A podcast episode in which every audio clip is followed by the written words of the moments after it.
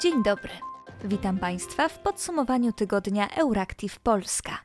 Dzisiaj opowiemy między innymi o ostrej zimie w Meksyku oraz o warunkach negocjacji pokojowych Kremla. Nazywam się Patrycja Gosk.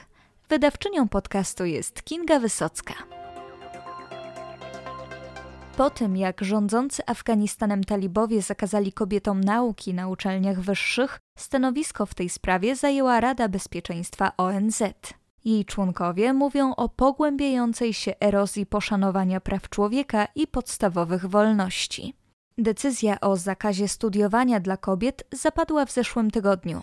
Jak wówczas podkreślano, było to złamanie kolejnej z obietnic złożonych w ubiegłym roku przez religijnych radykałów. Stanowisko w sprawie zajęła teraz Rada Bezpieczeństwa ONZ, podkreślając głębokie zaniepokojenie zmianami, do których dochodzi w rządzonym przez talibów kraju. W oświadczeniu wskazano, że odcinanie kobiet od edukacji oznacza pogłębiającą się erozję poszanowania praw człowieka i podstawowych wolności. Rada Bezpieczeństwa odniosła się również do sobotniej decyzji talibów, zgodnie z którą kobiety nie mogą pracować w organizacjach pozarządowych. Restrykcje są sprzeczne ze zobowiązaniami podjętymi przez talibów wobec narodu afgańskiego, a także z oczekiwaniami społeczności międzynarodowej. Stwierdzono, podkreślając jednocześnie, że mają one znaczący i natychmiastowy wpływ na operacje humanitarne w kraju.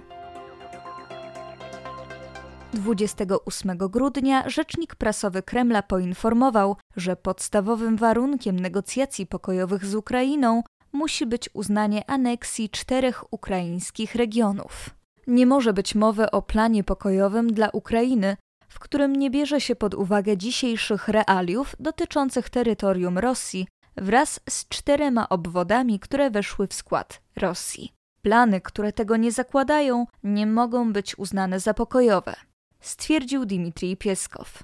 Tym samym dał do zrozumienia, że Rosja nie zamierza zaakceptować warunków przedstawionych przez prezydenta Ukrainy Wołodymyra Załańskiego, który stwierdził, że Ukraina nie pójdzie na żadne kompromisy, jeśli chodzi o jej integralność terytorialną. Terytoria, które według Pieskowa weszły w skład Federacji Rosyjskiej, to należące do Ukrainy obwody Doniecki, Ługański, Hersoński i Zaporowski. We wrześniu prorosyjskie władze zorganizowały na okupowanych terenach referenda w sprawie przyłączenia obwodów do Rosji. Według wyników prezentowanych przez Kreml większość mieszkańców opowiedziała się za aneksją. Referenda te nie zostały jednak uznane ani przez Ukrainę, ani przez państwa Zachodu. Według NBC News Izba Reprezentantów zabroniła swoim pracownikom korzystania z chińskiej aplikacji TikTok na służbowych urządzeniach. Nakaz usunięcia TikToka z służbowych urządzeń został wydany przez szefową administracji Izby Catherine Spindor, która już w sierpniu ostrzegała, że aplikacja stanowi niebezpieczeństwo dla użytkowników. Pracownicy Izby mają zakaz pobierania aplikacji TikTok na jakiekolwiek ze swoich urządzeń mobilnych. Jeśli posiadasz aplikację TikTok na swoim urządzeniu, zostaniesz poproszony o jej usunięcie głosi notatka, do której mieli dotrzeć dziennikarze NBC News. Obawy o cyberbezpieczeństwo sprawiły, że chińska aplikacja została już zakazana przez niektóre władze stanowe. Skorzystanie z aplikacji na służbowych urządzeniach musieli już zrezygnować m.in. urzędnicy w Dakocie Północnej i Południowej, Teksasie, Maryland, Alabamie czy Utah. Podobne zakazy obowiązują również w niektórych agencjach i urzędach rządowych, a w zeszłym tygodniu kongres przyjął ustawę zakazującą korzystania z TikToka na wszystkich rządowych urządzeniach. Ustawa czeka teraz na podpis prezydenta Joe'ego Bidena. W Meksyku zmarło z powodu chłodów co najmniej 15 osób. Dane o ofiarach pogorszenia się pogody podało meksykańskie Ministerstwo Zdrowia. Najwięcej ofiar jest w stanie Chiapas na południu Meksyku, gdzie zmarło pięć osób, oraz w sąsiednim stanie Tabasco, gdzie zmarły cztery osoby.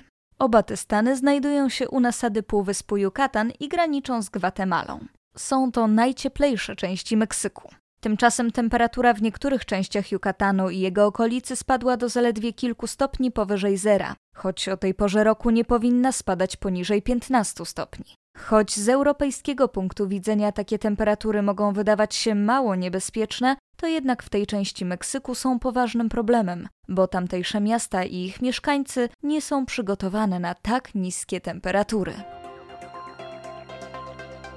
Amerykański dziennik Wall Street Journal poinformował 28 grudnia, że aresztowany w zeszłym tygodniu pod zarzutem szpiegostwa dla Rosji oficer niemieckiego wywiadu miał dostęp do ściśle tajnych informacji dotyczących wojny w Ukrainie. Oficer niemieckiego wywiadu Karsten L. został zatrzymany w zeszłym tygodniu przez niemieckie służby w związku z podejrzeniami o współpracę z wywiadem Rosji. Według WSJ szpieg miał dostęp do wysoce wrażliwych, ściśle tajnych informacji na temat wojny, podobnie jak wiedzę na temat sposobów ich pozyskania przez USA i ich sojuszników. Karsten zajmował się elektronicznym wywiadem. Miał on dostęp do informacji na temat wojny w Ukrainie przechwycone przez niemieckie i sojusznicze służby, jak również do zdjęć satelitarnych. Jego aresztowanie wzbudziło więc poważne obawy zarówno w Europie, jak i w Ameryce.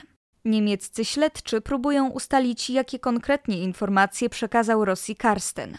Badają oni również motyw działania sprawcy. To już wszystko w dzisiejszym podsumowaniu tygodnia redakcji Euractiv Polska. Życzymy Państwu miłego weekendu.